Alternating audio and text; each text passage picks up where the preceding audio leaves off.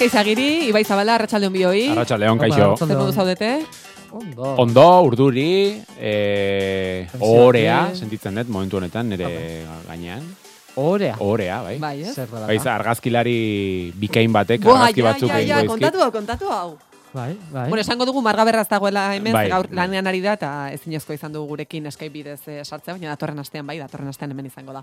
E, konta iguzu mesedez, ze izan da momentu hau. Bai, bueno, hau kontatu nahi nuen ez mm, nire irudia goraipatzeko guztiz kontra, baizik eta nire aurrean dudan pertsonan irudia goraipatzeko helburuz egiten dut. E, bueno, besterik gabe goizan elkarrizketa bat egin didate eta esan diate arratsaldean argazkiak egin bar zizkidatela elkarrizketa osatzeko eta esan diate Ibai zelak Ibai Zabala delako batek egingo dizkizu argazkiak uste dut zurekin konpartitzen duelako tertulia. Orduan, ohorea sentitzen dut Ibai Zabala jaunak argazkiak egingo dizkidalako bai, gero. eta... eh, Orea ni- nidea, joder, Eta argazia zer moduz, zer moduz? Esperientzia, joa, da, historiko, gero, gero itxonea, eske, ikusentunezko crossover oso importante bat aipa- aipatuko bat, Oso gaurko pelikulako proposamenia, baina eske guztot crossover hau ondino, are eta importantia dela, are eta Bai, bai. garrantzitsua dela, bai, bai. Goiena eta gaztezulo, eta, bai, bueno, gaztezulo... Et, Ibai eta Gaizka. Ibai eta. Gaizka. Eta, eta, e- zer ikusi tertulia. Hori da. Horrekin nahikoa da. Besterik gabe, horregatik nego, Oso negoen polita. pozik eta orea sentitzen dut. Eta eskatu dizkizu pixkat acting kontuak. E, Ez, emaiazu gehiago, e, irripar bat, e, mugitu... badaukat, Ah, Klo, eh, argazilari profesional batek esango eban, eh, tertulia baino hogei minutu lehenago ez dugunaz, argazki batzuk aterako guz, eta ja tertuliako lasai geratuko gara. Gero gaizka beste itzordu batzu daukos, eta hori argazilari, argazilari onak. Claro, nahi berandu Etz. ditzinaz, a ber, per- bueno, profesional. argazen... Bueno, bai, hainbatek. Hori da. Ni berandu ditzinaz, eta argazilari ez du batera. Jo, Ibai, ez dakizu aste honetan zenbat gogoratu nahi zen zutaz. Orain Zer? esan duzu, berandu iritsi naiz, Aha. A, e, HBO Maxen kontuarekin, demora guztian nola promoko kontuak ateratzen dira, Bai. eta demora guztian Gandalfen irudi bat agertzen zen, e, mago bat ez da berandu iristen. Benetan? E, bai, osea, esaldi hori badakizu ez, Gandalfen esaldi hori e, ez da berandu iristen, iristen da iritsi behar den momentuan. Hori da.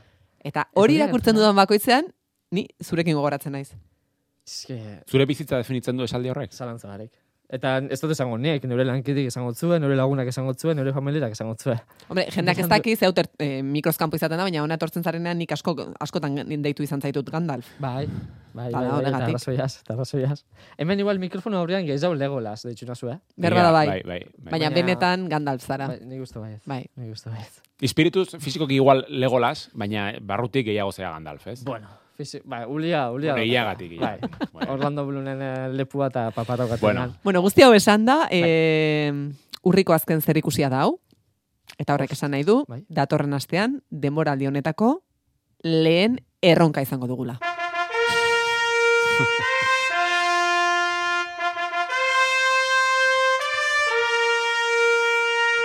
Gaizka, zuri egokitu zaizu, zozketaz, erronka egitea, eta gure entzule eta Instagrameko jarraitzaileak zein erronka egingo duzun erabakitzen pasa dituzte azkeneko hogeita hiru ordu eta hogeita mar minutuak.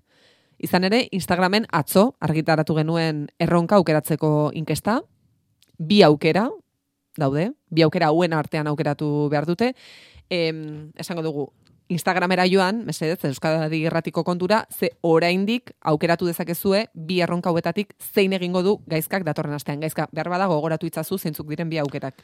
Bai, eta ez dut baldintzatuko, eh? nahi ez zuten aukeratu. E, lehenengoa Euskal Telesailak izenburupean aukituko zuen Instagramen, e, alegia e, aukeraz baldin manaiz, e, Euskal Telesail baten audio kortetxo bat entzungo dugu, segundu batzuk, eta asmatu beharko ez ze telesaili dagokion. Izan daiteke Goenkale, izan daiteke Ondarraoak, edo izan daiteke Balbemendi, ez? Osea, bueno, Ah, euskarazko telesaila da Hmm. baldintza bakarra. Edo Daragoi bola, izan daiteke, ez da euskarazkoa, baina bueno, bintzat euskaraz. Gaizkak proposatu zuen erronka da. Hori da, hori da. Eta bestea da tabu deritzona, e, eta hori izango litzateke, ba, adibidez, e, deskribatu beharko nuke telesail jakin bat, Lost adibidez, baina hitz konkretu batuk, batzuk aipatu ba, imaginatu olaiak esaten didala, ba, Lost aipatu beharrezu, baina ezin, ezin dezu esan, Irla, e, Gazkina edo Desmond adibidez. Claro. Eta nik gai izan behar naiz, e, Lost dela, e, bueno, asmatzeko ez, e, adierazteko ez, edo Hori da.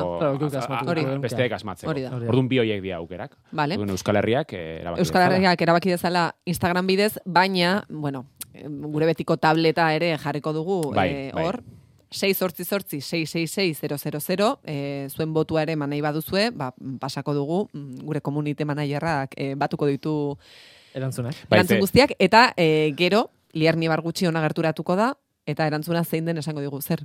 Esan. Ez, bai, entzulen mezuak asko e, maite ditut, adibidez iristen direnean e, ez dakiz zertaz ari zareten, baina oso gustora entzuten ez zuen tertulia, horrelako mezu gehiago behar ditugu mesedez. Mezu hori, benetan, niri egin ziren kriston ilusioa. Ba- mezu, no, mezu horrek. Ba, gehiago behar ditugu. Ez, eh, diozu, batzuetan izaten dugu sentsazioa, ez diozu, jo, eske, Hemen gauz frika eta zitzen. hori da. Ba, norbait interesatuko zaio? Ez. Baina, bueno, behintzat. Akaso. Bai, baina ondo pasatzen badute, Noski. baina ez da, hortarako Ez que gaude. euskalki saltza erra doa, bai. eh? Bai, bai, bai. Bai, hori ere egia da. Bai, txolopotea da, bai, bai. Bai. Bai. Bueno, em, honen erantzuna, ba, hemendik eta berrogei bat minutura jakingo dugu. E, HBO Max, e, aipatu dut, lehen, e, ba, HBO Max e, iragarkia ikusten dudan bakoitzean, gogoratzen naizelako, e, ibairekin, bueno, ba, entzule batek ja jarri du. Zer da HBO Maxen asuntoa? Nahi eta nahi ez aldatu behar da? Mm, Hau ez da entzule fidel bat. bueno, a ber, edo... Bai, badakit hau... bai, moduan. bueno, edo behar bada berandu jarri zuen tertulia horre, egun horretan, Vale, baina gu hemen zertarako gaude zerbitzu publikoa egiteko. Hori da. E, gu ez, gaizka. Ah, bueno, nahi zuten modun, eh? E. Bueno, eh, nahita ezkoa da, ez, bueno, HBO-ren arpidetza baldin badaukazu eta jarraitu nahi baldin baduzu, bai da nahita ezkoa, HBO desagertu ingo delako plataforma soil gisa, esan nahi dut. E, HBO e, nolabai sartu da beste hainbat ekoiztetxekin batera, ba, Warner Media, DC, Cartoon Network eta bat, eta bar, eta orduan osatu dute guztien artean HBO Max delakoa. Hau da, funtsean, gauza bera da, eduki zabalago batekin, e, plataformak asko hobeto funtzionatzen du, eta garrantzitsuena, prezio aldetik, ez da igoerarik egongo, hau da, sortzi laro meretzi, ordainduko dituzue, berdin-berdin. Baina, baude bi, e, alor nahiko garrantzitsuak prezio hori dagokionez, lehenengoa, e, urtebeteko arpidetza sistema berri bat ezarri dute, eta gutxi gora bera, irurogeita bederatzi euro ingurugatik, urte osoko arpidetza e, eskuratu dezakezue. Hau da, bataz beste, sortzi euro. Eta, are garrantzitsuagoa, une honetan arpidetza berria eginez gero, azaroaren hogeita sei Ze arte, fuertea den hau. euneko berrogeita marreko deskontua izango dezute betirako. Hau da, Betirako. une honetan alta ematen baldin bazuete arpidetzan, lau koma larogeita meretzi euro ordainduko dituzue HBO Max engatik. Baina, oso ondo dago, baina letra txikia da, euneko berrogeita marreko deskontua betirako. Hau da, plataformaren prezioa igotzen baldin bada hogei eurotara, amar ordainduko dituzue, ez lau larogeita meretzi, besterik gabe hori. Baina dozen momentutan baja eman dezakezu. Baina hauzi momentutan, baja maniteke eta garrantzitsuna. Beti, e, txartel zenbaki bat sartu behar da arpidetzaren kontua ordaintzeko, Aha. txartel horrek beti euki behar du nolabaiteko e, balioa, alegia beti dirua egon behar du kontuan. Momenturo batean, kobraketa momentuan, dirurik ez baldin badago, eta bertan bera gertatzen baldin bada, e, oferta hori desegin egiten da betirako. Orduan nahiko, nahiko e, kontu zibil behar da. Eta gero, ba, esan dakoa, e, besterik gabe egin behar dena da, HBO sartu horretik eguneratu egin behar da aplikazioa, HBO Max delako plataforma e, aplikazioa deskargatu, eta bueno, egia da, e, lehen olaiarekin mikrozkanpo hitz egiten, egon diela arazo batzuk, e, No, pasaitzak- Nik ez dut lortzen sartzean ere Bai, kontuan. eta ez zera bakarra izan, eh? E, Piskat nea marek ere aitu- atzo dituzian, e, ikusi nuenean bez, bere mezua ja dardarka nintzen. E, ba, bueno, arazo batzuk egon dialako, ba, pasaitza eta, eta mm, erabiltzaile izena, alegia, e, emaila berreskuratzerako orduan, ba, hor aldaketa batzuk egon dialako, baina, bueno, funtsean, teorian ja funtzionatzen du.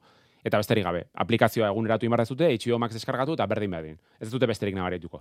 Em, esango dugu posten garela asko eskaintza berri hau atera Bai. delako, baina egia da e, nahiko aserrea eragin duela sarean, orain arte arpide izan direnei etzaiela inolako eskaintzarik egin. Claro. Alegia, berria baldin bazara, euneko berrogeita marreko deskontua lortzen duzu, eta amar urte baldin badara matzazu, bueno, amar urte zan matza HBO, Bueno, ber- baina berdin berdin dio. Azkeneko hiru urtetan arpide izan bazara, Ez ez duzu inolako onurarik.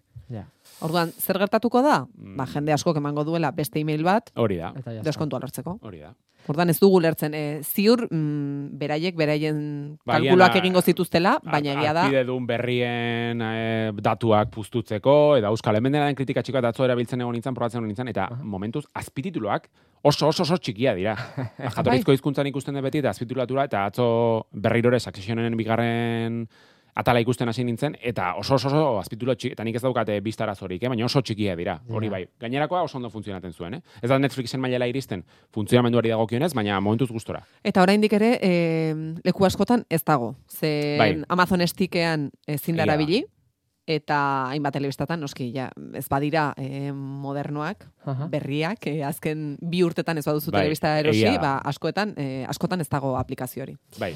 Beraz, mm, La, labur biltzarren, eta ja Hobetu. utzi ingo eta HBO Max asunta, baina hau da pixka bat, konparatzearen ondo dago, baina hau da mudantza bat egiten zunean bezala daukazula etxe guztia kasaz beteta eduki interesgarriarekin, baina dena desordenatu hau da HBO Max unen, eta nire ustez. Gauza interesgarri asko, kaxa asko daude, baina orain dikan falta zaio pixka dena, dena ordenatzea. Bai, sentsazio hori eman dit niri. bueno, betzen joango da. Bai. Em, egia dagu, bueno, pozik gaude, aste azkena delako, tertulia egiten ari garelako, baina egia da tertulia honetan ere, noizean behin tokatu zaizkigula, albiste tristeak eh, aipatzea, eta lehenik eta ben esan barko dugu goian bego gunter. Here you go. Thank you. Say, Rachel, I was wondering if you'd like to go to a movie with me sometime. As my lover. Hmm, too out there. Maybe you'd just like to get something to eat with me sometime. As my lover. Bueno, telesaietan bigarren mailako aktorek eta taldeko aktorek zein garrantzia duten, ezta? E, horietako bat zen James eh, Michael Tyler, Friends telesaileko Gunter, Central Perk kafetegiko zerbitzariaren papera egiten zuena, e, beti Rachelekin maite mindua zegoela, audioklip honetan entzun dugun bezala, eta asteburuan izan genuenaren eriotzaren berri, e, minbizia zuen James Michael Tylerrek eta berrogeita emeretzi urderekin hilda, ia izan zuen em, aukera de reunionean parte hartzeko, baina oso gaixo zegoen, eta ezin izan zen estudiora joan, e, zoom bidez egin zuen konexioa, eta egia da e, plan horretan ere ikusten zela. Ba, mm, bueno, ba, goian bego, Bai. egia da, azkeneko Bai. asteetan, e, sexe andesitiko Egia da. mm, bigarren mailako aktorea ere hiltzela, em, orain, e- ez zaitaterako... Ez niri ere ez. Eh, ai, lierni mesedez, ide, idatzi zazu, eh, gure barne komunikatorrera, ze oraintxe ez zait izena ateratzen. Bueno, eta iluna benetan, eta kezkagarria, eh, Alex Balduin eh, rodatzen ari zen filmean gertatutakoa. Badakit, eh, entzule gehienek dagoeneko jakingo dutela, baina... Em, Alina Hutchins, eh, argazki zuzendaria hiltzen, Alek Balduin ari zen estena bat entzaiatzen, eh, eskuetan pistola bat zuelarik eta tiro egin zuen nahi gabe eta jakin gabe eh, benetan balak zituela. Hutchins eta Joel, Joel Sousa ikas eh, ekoizle zuzendaria zaurituz, Hutchins hil egin zen gero ospitalean. Bueno, rodaje nahiko gora beratsua izaten ari zen bestalde, e, Rust e, filmarena, segurtasun neurriak ez zirela betetzen eta grabazio taldeko hainbat kidek utzi egin zuten errodajea berriki.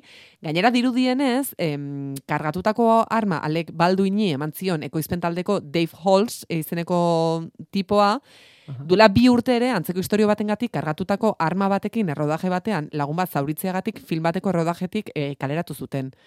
Ez dakit, e, albiste hau jaso zenutenean, e, zer pentsatu zenuten, e, bueno, Egia da ni oso konspirazio zalea naizela orokorrean eta batez ere Krau pelikula, El Cuervo pelikulan gertatu Bai. zenaren ostean Brandon Lee, Bruce Leeren semearekin eta bar beti nabilela pixkat olako gertaerak olako gauza gertatzen dienean pixkat irakurtzen eta sakontzen zer gertatuen.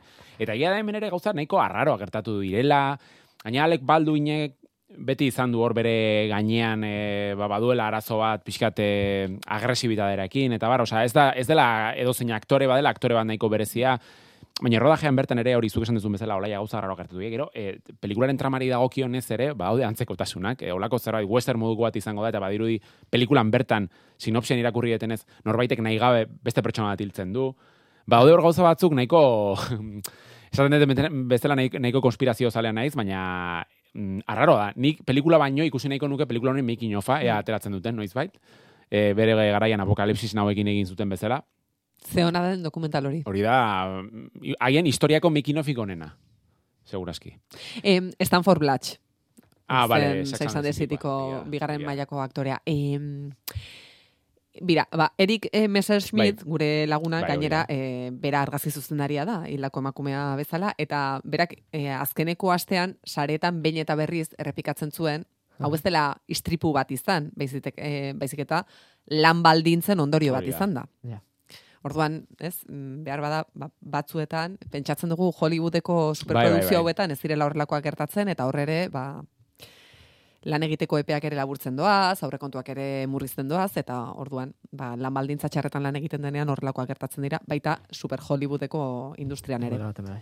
Bueno, gatozen gauza laiagoetara, azkenean iritsi delako, gaizka Twitcheko kontua estreina, gaizkak Twitcheko kontua estreinatuko du, ostiral honetan.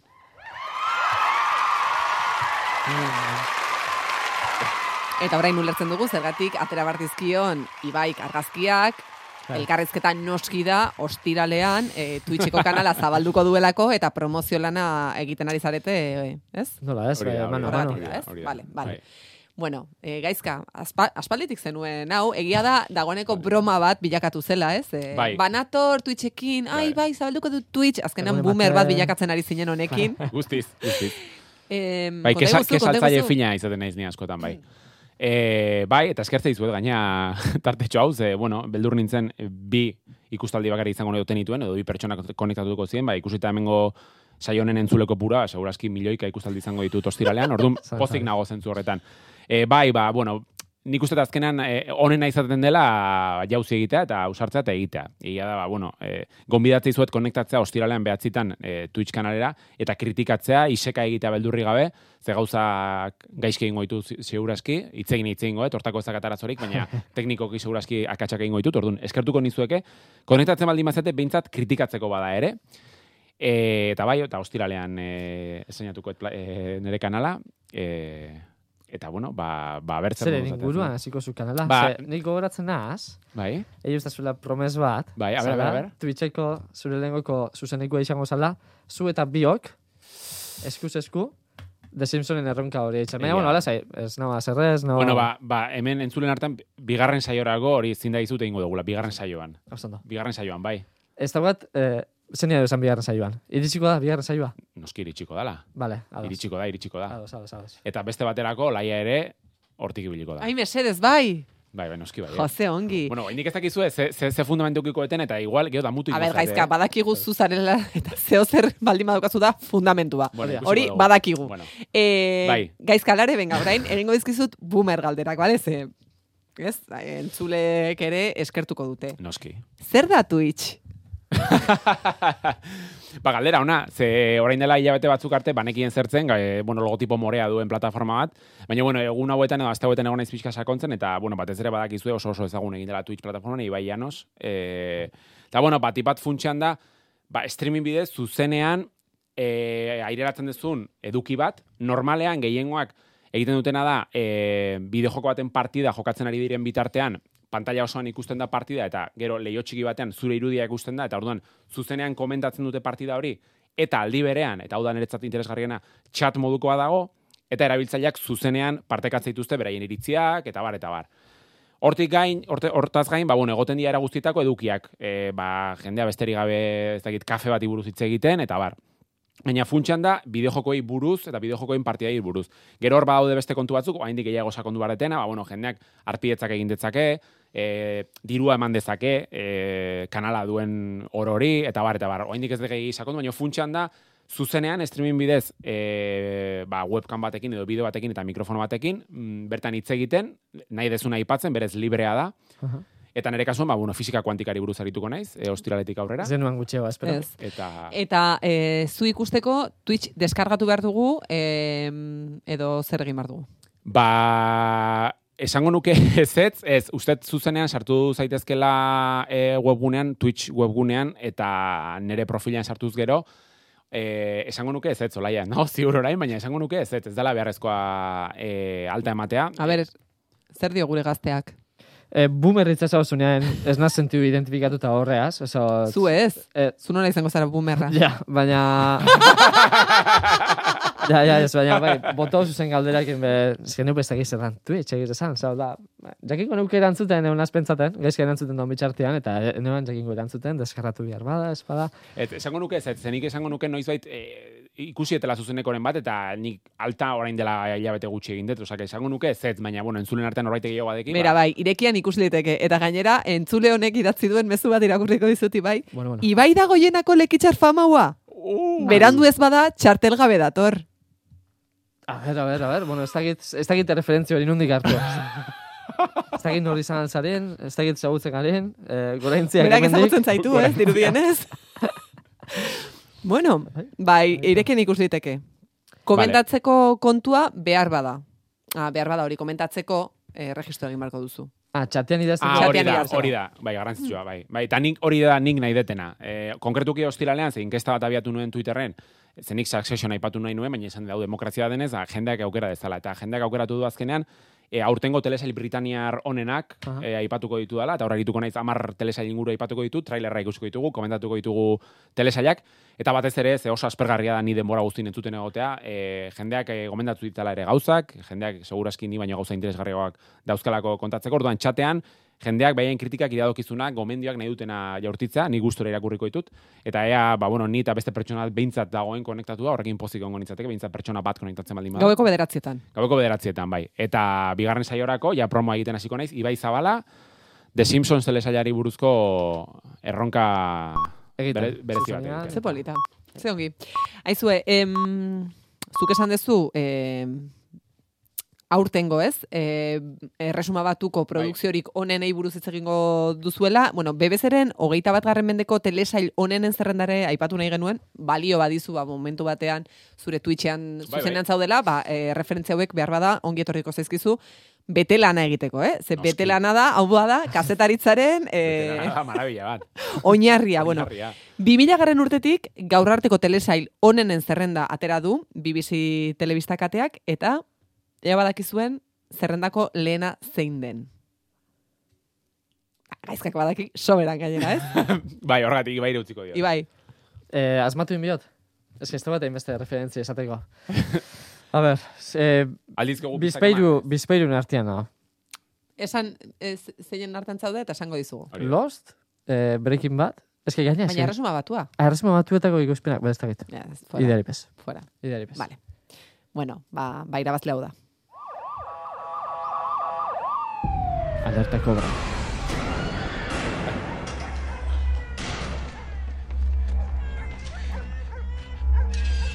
Ez ez, erresuma batukoak ez.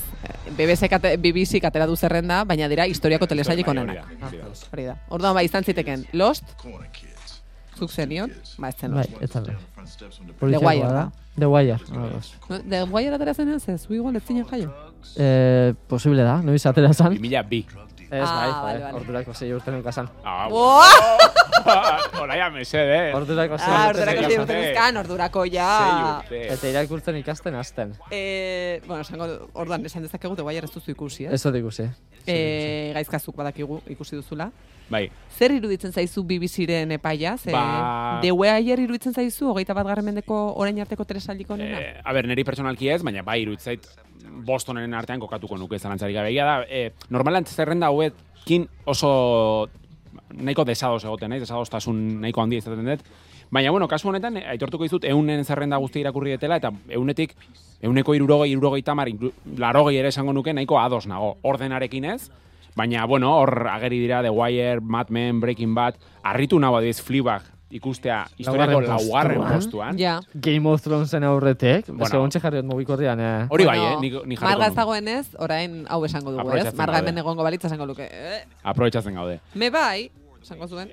E, eta bueno, The Office ere hor ageri da, Britainiarra, Succession amargarren postua. E, gero, deigarria egintza eta adibidez, eta nolabaiteko e, kentzen dio prestigio puntu bat zerrendari ikustea La Casa de Papel. Bai, hori esan behar nizun. Berrogeita irugarren postuen La Casa de Papel, historiako berrogeita irugarren telesailik onena mesedez, e, zeinek egin du zerrenda hau, osan eri, e, ez, iruditzen zait, ba, badaudela hor, betela nahi patu dugu, nire iruditzen zait hemen badaudela, pixkat, e, mundu guztia postutzeko moduko ekoizpen Bai, batzuk. nire lotxagarri bai? zait. Eh, kritika mero, ez da bai. merezi postu hori. Ez. Ez da aurrero esan omiko, atzero omiko zan. Elitzateke zerrenda horretan ego behar. Egun eh, egun telesail onenen artean, How I Met. Your Mother. Bai, Bueno, olako asko daude. Eh, eo, markatu. Eitxon, defendatu birba da nuke defendatuko. Bai. Hau, bai, Baina bai. historiako eun telesailen honenen artean, bueno, ez dago, ez nuke jarriko ez, baina bueno, ni A ber, a ber, a ber, a ber, txoin, txoin, txoin, txoin, txoin. Ari dira, inkesta orain, berrogeita mar, berrogeita mar. Eitxon, eitxon, parentesi bat, parentesi bat. Gauz hitz egiten, eh... Eh, Erronkari buruz. Erronkari- buruz. Ostia, vale, vale, vale. Tabua Zueni- euneko berrogeita mar, Euskal telesailak euneko berrogeita mar. Zuen iritzia ematen badezute, eh, desorekatu egingo da balantza, ez? Eh, influencer... Baina guk ez dugu egingo. Ez ez dute egingo, ados, ados. Etika eta moral. Nik ere ez dut esango, zein nahiago eten egitea, ze bestela jendeak igual kontrako egingo du. Bira, adibidez, ez? Normal people, larogeita laugarren postuan, Ja. eta horren aurretik, Bai, Ba, eske, ikusten da hemen, genero ezberdinetako bai, baina... telesaia asko, zelan baloratzen duzu? Zein da nobila a beste ber, baino? Grey's Anatomy, mesedez. Ez, ez, Ni oso zalea zakala, izan naiz bere garaian, baina... lehenengo amar ama osten artean, bueno, ez tabaiatu genezake bat gora, beste abera, esan nahi, Bai. Mad Men, Breaking Bad, eh, noski direla telesailiko, historiako telesailiko honetarikoak. Amy Destroy You oso oso oso da, baina historiako seigarrena Six ere. Feet Thunder ezin da betik egon. Ez, hori da, hori da. Eta Txernobil amabos garrena, Txernobil oso oso telesail Oso potentea zen. Baina amabos garrena, bueno, Arritzen hau, True Detective hogeita maika garren, egotea. bai, bai, Hori be brutala da. bai.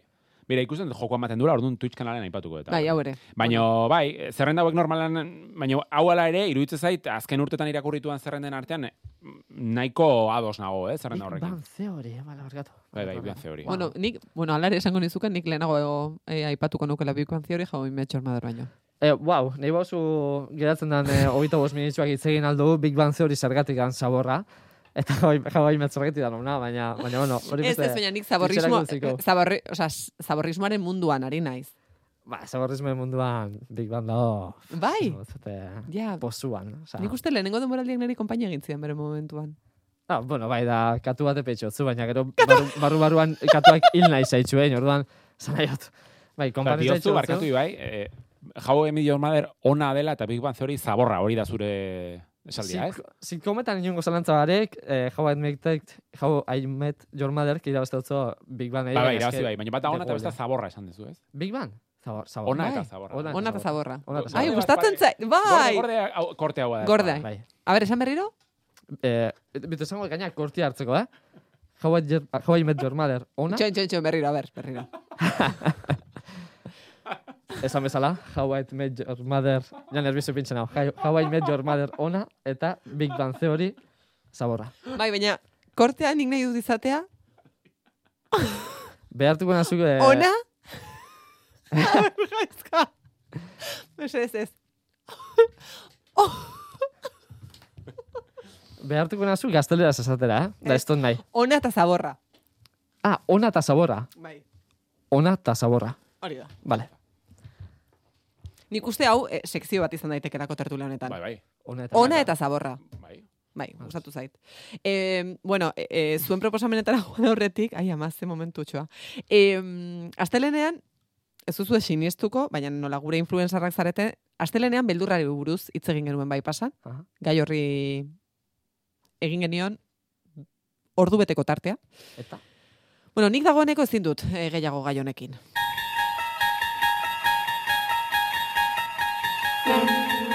Bueno, baina eh, hasitakoa bukatu behar delako, galdetu behar dizue, sarrerarik erosi duzue Donostiako fantasiazko eta beldurrezko zinemaren asterako? Neuk erantzungo gaizkan partez. Gaizkak bai. Ibaik ez. Ibai, baina donostira zintzarelako torri. Eh, Lekitxon egingo balute bai ez. bai, zalantza. Zalantza barik. Jo, bada pelikula bat, uste interesgarria irudituko zaizuna, iruditzen zait aktorea, e, uste gustatzen zaizula, Anya Taylor-Joy, asko Bai. gustatzen zaizu. Bada pelikula bat Last Night in Soho, itxura oso ona daukana, eta hain zuzen beldurrezko astean ikusiko deguna. Ez que The Witch egin bangetik, eh, ez da hori pelikulia oso nada, eh? Da The Witch, buah, pasada bat. Bai, Ai, bai. ados gaude, beira, Fase honetan. The Witchekin. Pentsatu baino gehiago. Bai, Pentsatu uste- baino Bai, zakazetan bai, bai. Bai, bai, bai. Zodiakek banandu ginduen, baina... Bueno, Baina Girlek eh, batu gintuen. Bai, egia da. E, bai, niri bereziki gustatzen zaidan gaina zinema jaialdi bada. E, egon ez denari, esan nahi nioke, e, probatzeko. Ze benetan ez duela inoiz horrelako esperientziarik bizi zinemareto batean, zin da gizuet. E, ez delako bakarrik pelikula ikustea, baizik eta pelikularen inguruan sortzen den parranda, giroa, e, barre algaraka amaituko ez dute, ez pentsa beldurra pasako ez dutenik, e, donostiko beldurrezko astean, egoten dira, baina normalean, divertitzeko unek izaten dira, ba, publikoaren jarrera izaten delako oso harrigarria. Eta askotan etortzen dira e, atzer nazioarteko zinema zuzendariak beraien pelikulak aurkeztera eta egoten dira eserita publikoaren artean eta flipatu egiten dute. Ez dutela mundu mailan horrelakorik ikusi. Jendeak egiten duena da pelikula zuzenean komentatu egiten du. Ah, bira, ba, orduan, ni igual, eh, nik eh, enekien, eta eh, aurreko asteazkenean, zinemara joan nintzenean, eh, behar bada, donostiako fantasiazko eta beldurrezko zinemaren asteko pelikula batzen. Agian nahastu egin zinen. Eta, Behar bada bai? Edo, edo horko ikusle batzen eta bera nahastu zen Ja. aretoz. Baina, bera, kasu honetan, bai da, e, jendearen komentarioekin batera ikusteko pelikula. Normalean ez, nik ere gorrotatzen duten jarrera bat izaten delako, baina hemen, benetan, e, ikusiko zuten ze esperientzia berezia biziko ez zuten, e, jendeak zuzenean garrasi egiten duelako pantailarak, aktorei garrasi egiten die, pasatzen diren sekuentziei ere, oso deskriba ezin da, nik benetan gomendatzen dizuet, parranda giro divertigarri bat pasatzeko, bel- donostiko beldurrezko astera jutea benetan. Ni tentatzen nabaina da, donostiko beldurrezko aste horretatik da, eh, palomitak aldozula jan, inorek, eh, inorek eh, zer leporatu garek. Osa, kultozko pelikula bat aldozuko guzi, baina palomitaken eta ez da ezer pasaten. Bai, bai, eta, bueno, orain aurten ez, eh, Ah, uste dut. COVID-anegatik, baina, bueno, bai, jendeak hor, eh, Bueno, Eh, taberna bat zegoen. bai, bai, garagardoa zen, edaten zuten gauzarik eh, laitena, Laitena. esango genuke. Orduan, hortik gora. Bai, Festa bai. bat izaten zen. Festa bat, festa bai. bat. Bai, bai, e, Ilenia, e, gure asteleneko Ah, bai. kolaboratzaileak, Ileniak e, asteburuan Egia da. baman zinemakoa ere aurkeztu zuen, eta berak ere esaten zuen. Berak oso beldurtia dela, baina mm, emanaldi hobetara joan egiten dela, ze sekula, Bai, bai. sekulako giroa dago, eta oso gomendagarria. Ni aserretu in- egin izan naiz alderantziz. Ikusi nahi etelako pelikula, adibidez, de Witch ikusen nuen, donostiako beldurrezko astean, eta aserre atera nintzen, ze jendeak zerbait geldoa dagonean, garrasik hasten da, zer da, zaborra, oh, bullaka, eta orduan, pixka eta aserre atera Ja. nintzen. Ja. Ni asteazkena zinetik bestela, ez? Vale. Bai, bai. Ibai, zinera joan nintzen, Eh, asteazkenean. Beldurrezko pelikula bat ikusten. Ez. Ez? El buen patrón. El buen patrón, El buen patrón Javier ikustera. Pelikula ondo. Vale. Zinema gaizki. Zer dela ta? Ba, jendeak pelikula komentatzen zuelako. Ze, a, pandemiako bi urte honetan zein dira, ohitura honak galdu edo zelan doia kontua? Bai. Baina nintzen eh? gogoratzen, nintzen gogoratzen zertzen hori, eta film guztia, begira, da, ez dakit nor, ah, hori da! Ja. Ez, Barkatu, noiz estrenatu da pelikula hori? Eh, duela aste bete. Bai, ez, eta bai. Ah, erdi. orduan- Oso ongi, eh? Osa, oso eh, dira. filma oso gomendagarria. Ez, esan dut, eh, estrenatu dan momentuen arabera, claro, estrenatu bada gaur, eta bihar Bai. basoiaz ikusten, ba, ulertzu dut igual aretua gainezka daola, Ez, eta... baina ez zegoen, ez eh, ez, eh, lankide batek esan zidan, olaia, baina ze juntzara, ikuslaren egunean, hori beti gertatzen da, eta zaino, bueno, ja, baina, baina, ber, Baina Errespetua, Ibaik. Ibaik diona egia da, eh? Ez dakit ni pandemiaren kontu gatiko itura hona galdu diren, ze mugi- mugikorra piztutzerena pelikula erdian adibidez, eh, azk, aur- azken, jo naizen azken bost alditan, bostetan ikusi norbait pantalla piztuta. Ah, bueno, hori noski gertatu zen. Osea, pelikula komentatu eh, telefono batek jokuz- jo zuen, eta gero noski eh, filma hasi eta bost minutura zinemaretora sartu zen bikote bat, eh, zutik, eh, Plaza biztuta bere butakia dena bilatzen. gaizki, Bueno, dena gaizki. bueno. Eh, f- bueno, hau betu behar dugu, Ibai, eh, zineman, zineman izan zara zu ere? Bai. Eta jendeak ez zuen pelikula komentatzen? Eh, are txarrao, are okerrao. Nire aurrean uban pertsona batek itxeban, eh, bueno, Venom zan pelikulia, eta itxeban momentu oro grabatu, sekuentziak, Eh? Gero, eta gero filmetan nintzen, eta Instagrameko insta history bat itxen eguan, No. Eh? amar segunduko. Bai, eta gero esate ban, exigentia tipua, eh? Ezabatu itxe ban, eta gerora, ba, barriro grabatzen ban aurrera beste bat. Ez zure ezaguna da? Osa, Ez, ez, ez, ez. ez, No, ez, hori oso... esan? Ez que, apa, Ze esango zan. gainera oso legala ez da hori egitea, gainera, eh? Ez da, ez da. Komentatzea arren, eh? Osa, hori ilegala da, gainera. bueno, ze materiaino beltzen da. Bueno, ilegal, legal, ez pantalla grabatzea, zinemareteko pantalla grabatzea pelikula ematen duten bitartean? Eta modu ez legal baten ikustia, bai, bai. Ah, bueno. Ez, ez, bai, horregatik. Ez, bai, bai, bai. Eh, pertsona honek itxabana da, grabatzea bala amar segunduko bideoak, ba, gero bere insta historira igotzeko. Claro. Esan diotena da, joder. Bale, o- onartu- Estintzia merezi dugu benetan, eh? mesedez. Benetan. E, e, entzun dezagun trailerra behintzat? Hori da. All I ever wanted in this world is carnage. Lady here. We should be out there snacking on bad guys. I am a predator. Ibairen berdi gomendioa. Zergatik, Ontxeaz, ontxeaz zietik esango zuet pelikulia ez dela gomendio bat. entzun dugu. Baina, e, korteinia ez da egon txarto sartuta. Erdi gomendio bat izan da, zer dela eta e, ez dena pos- postkreditua etxek.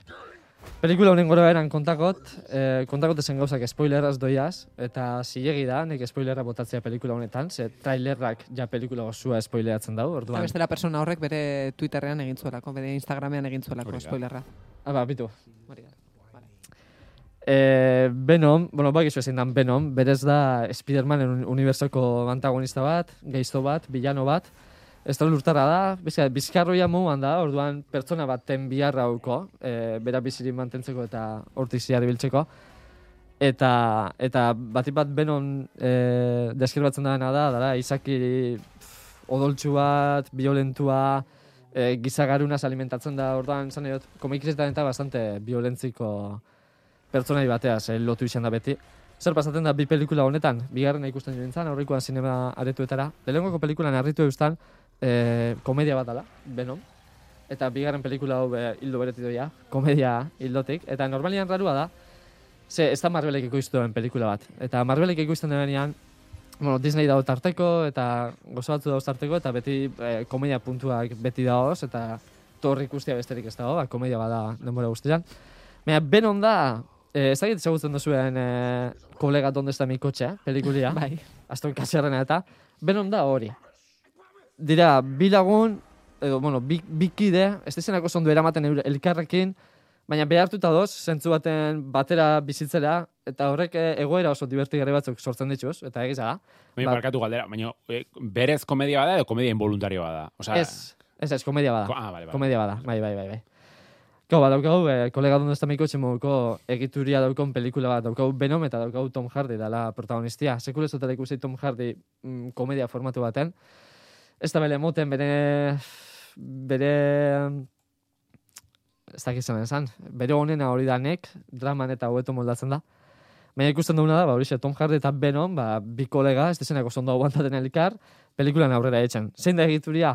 Ba, momentu baten aserretu itzen dira, separatu itzen dira, Tom Hardy boteria galtzen dituz, gero etxai bat agertzen da, eta, ba, bueno, mm, gizaterizen onerako edo euren onerako, ba, ikusten da bai, beharra eskua dela indarrak batzia berriro, eta barkamen askatzeutzen elkarrari, bueno, a ver, pelikulia eh, gidoialetik eta egitualetik, ba, ez da hainuna. Baina, aipatu nahiko neukena da, E, bueno, aipatzea, pelikulia guai dao, oza, funtzionatzen dau, e, ez da bizizalatuko zen pelikula bat, baina entretenitzeko ondoa dao, hor salan de fondo ukitzeko, zinea juteko hainbeste igualez.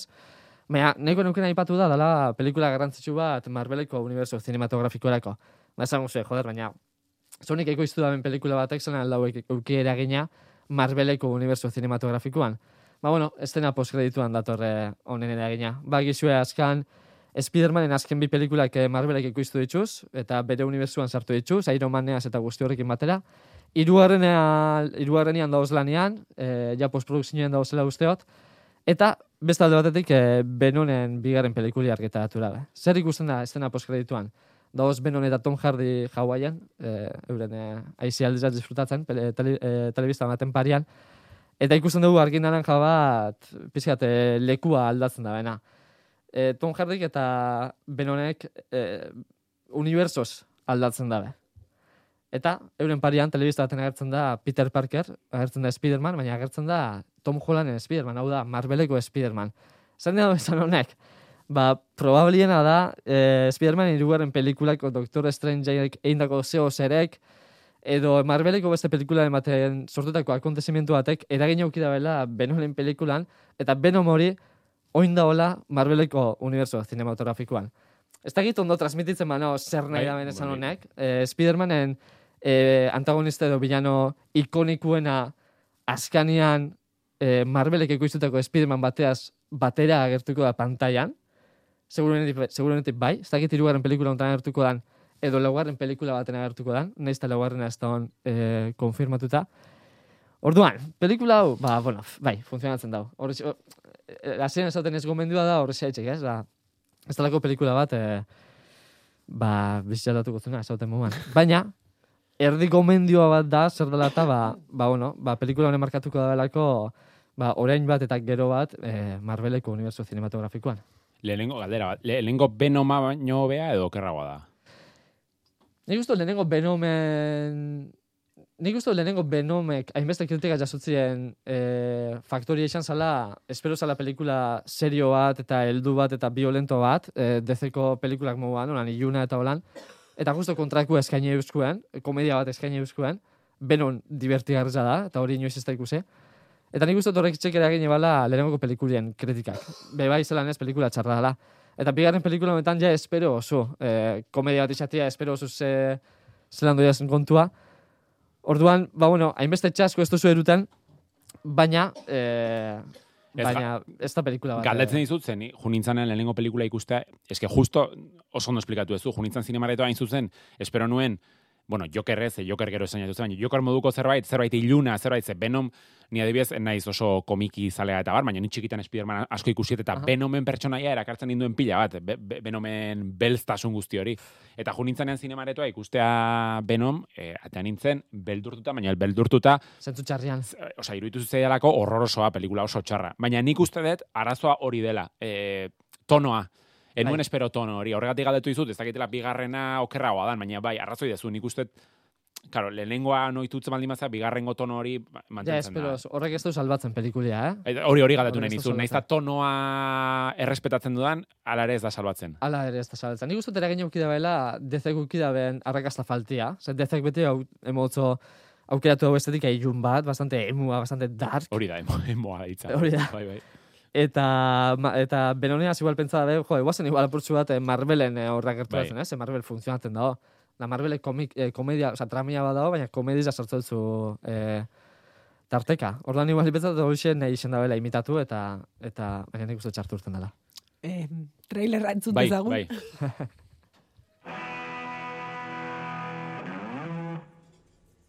We are lady parts. Here's a little something we thought you might like. Is me, 26, Capricorn, finishing a PhD in microbiology. And this is Lady Parts, a confused mix of hash anthems and sour girl power. Our sound is thin. Bueno, eh, lastima marga ez dagoela, ze zuzenen behari gomendatu nahi nion telesaia da, olaia zuri ere, bueno, oro, mundu guztiari gomendatzen Ola diot. hemen dago, baina hotxi gabe geratu naiz, eta horregatik. eh, hemen, eh, orain Instagramen sartzen baldin bazarete, espektakuloa da, oso polita. Kaixo, Lierni. Kaixo, arratsaldeon, nahi ama. Eh, lasai, eh, itzuliko da, itzuliko da. Eh, gaizka, hitz egitzazu gomendiari buruz. E, bueno, esaten nahi nintzen bezala, mundu guztiari gomendatzen diot, baina egia da bereziki olaia eta margataz gogoratu naizela. We Are Lady Parts izena du miniseriak.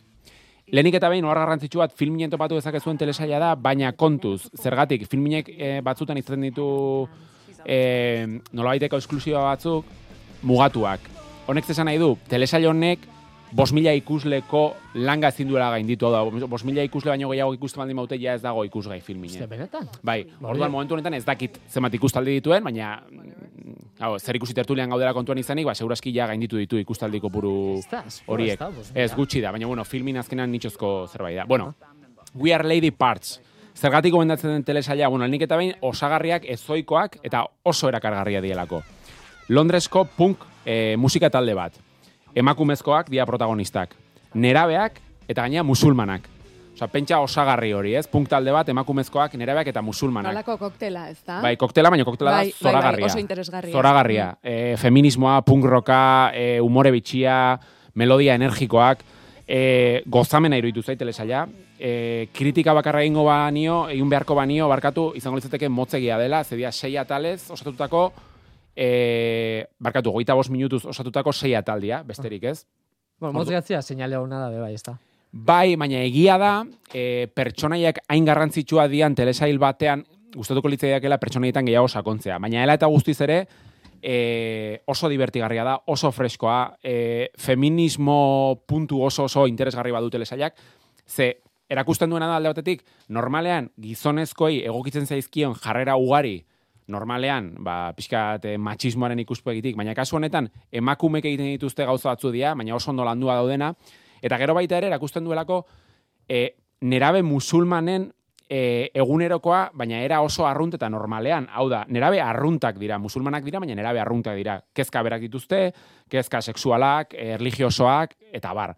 Orduan, telesaila iruditu zait, mm, ba hori, freskoa, oso divertigarria, baina tamalez, ba, mm, ziztu bizian irensten den horietakoa, eta ezin dizuet esan une honetan ba, filminen iku, egongo den ikusgaiala ez, ez dakit bos mila ikustaldien langa gainditu duen. Izenburu ez dakit aipatueten, We Are Lady Parts, eh, Lady Parts da taldearen izena, eta horregatik We Are Lady Parts. Hau lehenengo Eh, gomendioa. ahotsa itzuli da, eh? Oso ondo, Laia. Bueno, ahotsa edo hau, vale? Eh, Lierni ez joan. Eh, guazen, bigarren Bai. gomendioarekin, Bai, bai, bai. motzean joango gara zen, noski, eh, Bai. inkestaren emaitza kontatu behar dugu. Bai, egia da. Oso. En la época del 60, este grupo de alemanes habían llegado a Chile. Paul Schaeffer era su líder espiritual. Lo adoraban como si fuera Jesús.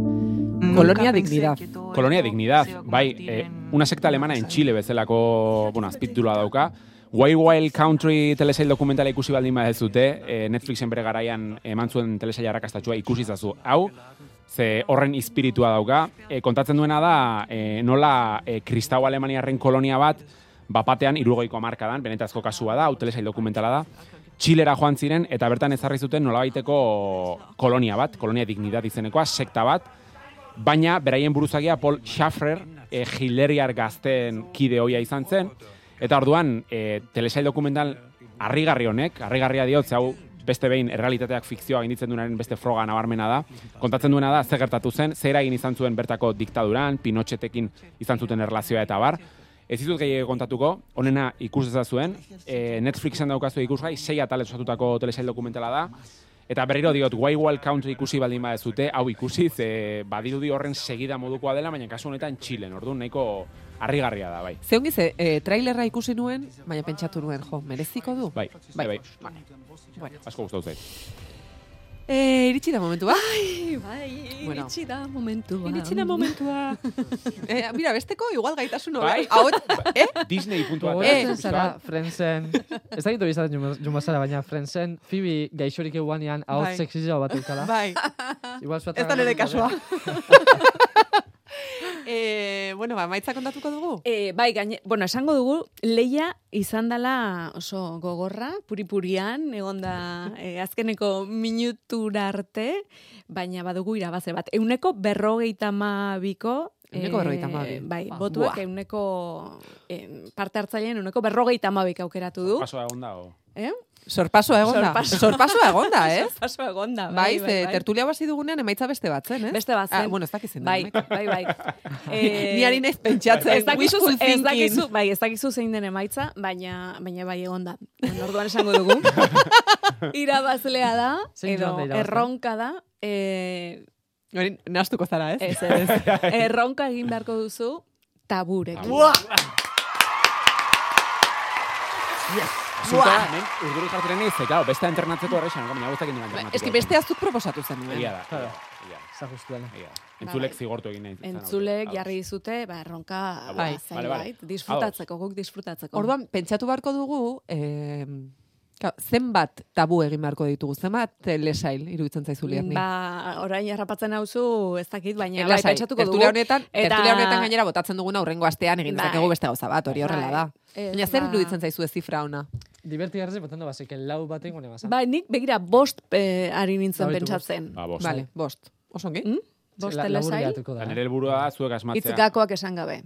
Vale. Ze? Zer? Zure Helburua, burua? helburua da tabua. Guk, guk zuek- asmatzea, hori da, bai, Ados. bai. Bai. Bai, aparte, Instagramean nik uste erronka botatzen ari garenean, en, entzuleek ikusiko dute ze telesail buruz ari zaren. Ados. Ez? Ados, Nik bai. uste hori Ah, ba, ikusi bai, beharko ba, bai, litzatekeela. noski, Beraiek noski. badakite guk ez, Ados. eta horrela ulertuko dute gehiago, ba, zergatik ari zaren... Vale, eh, pikzionari moduan eta keinuak etetzen ditut egin, ez? Eta besten hasita ez, ez bakarrik hando. Bueno, beste nahi baduzu, baina Ez, ez, ez, hitzak ez, erabiltzen ez. ez dituzun bitartean. Brometan naiz, Abestia ez, baina- ez baina baldin sintonia ez. badagakoa, ez, ez, ez, ez, Brometan hasten naiz, horrelakorik baina ez. gero nire kontra dijoa guztia. Hori da. Baina ez, baina igual urduri jartzen baldin bazara, uarte ba, ah, igual uartea Oi, ez. Eh, claro, uartea ez. Ados, ados, vale, vale, vale. Bueno, lost ez dizugu jarriko ze dagoeneko denbora Ez. guztian adibide Lost ez bezala jarri, lost ez jartzen ari gara. Ez, ez, ez, ez, ez, ez, ez. Hori Bueno, da. Vale? Ea margak asmatzen duen. Hori da Iruen artean egingo dugu. Vale. Bai dago, ez kistu izlari hona zaratu da, justo hitzak kentzia zuri. Gakoa kentzea. Eske oso ona da. Ez que, pentsaten, erronke izango bazan mimika bidez, fa, jagaizka arma barik izten du. Bai, bai. Arma barik izten du. Arma gutxi dauzkan nik, eh, dena den, baina bai, Bai. bai.